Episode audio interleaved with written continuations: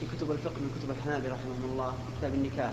يقولون في المرأة الأفضل ألا تكون من أقربائه هل يعني ما ثبت من السنة ما يؤيد ذلك أو خلاف ذلك؟ يقولون في بعض الكتب.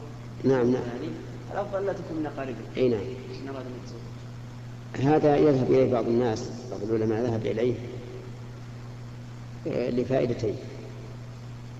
الفائدة الأولى أنه أنجب للولد. بمعنى أنه يجذبه عرق أمه إذا كانت من قبيلة وعرق أبيه إذا كان من قبيلة. فيجتمع في هذا الطفل أخلاق هؤلاء وهؤلاء. ولأنه أسلم من القطيعة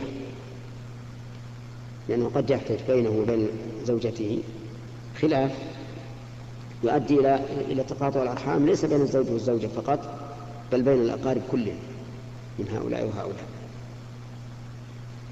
ولكن عموم قول الرسول عليه الصلاة والسلام تنكح المرأة لأربع لمالها وحسبها وجمالها ودينها فاظفر بذات الدين يشمل القريبة والبعيدة ولا يخفى علينا أن علي بن أبي طالب تزوج بفاطمة رضي الله عنها وهي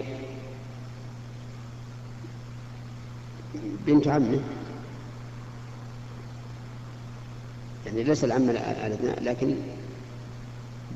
أبو الرسول عليه الصلاة والسلام عم علي بن أبي طالب رضي الله عنه. فالصواب أنه لا, لا أنه لا يلتفت إلى القرابة والبعد لكن يلتفت إلى ما أرشد إليه النبي صلى الله عليه وآله وسلم. اظفر بذات الدين تربت ما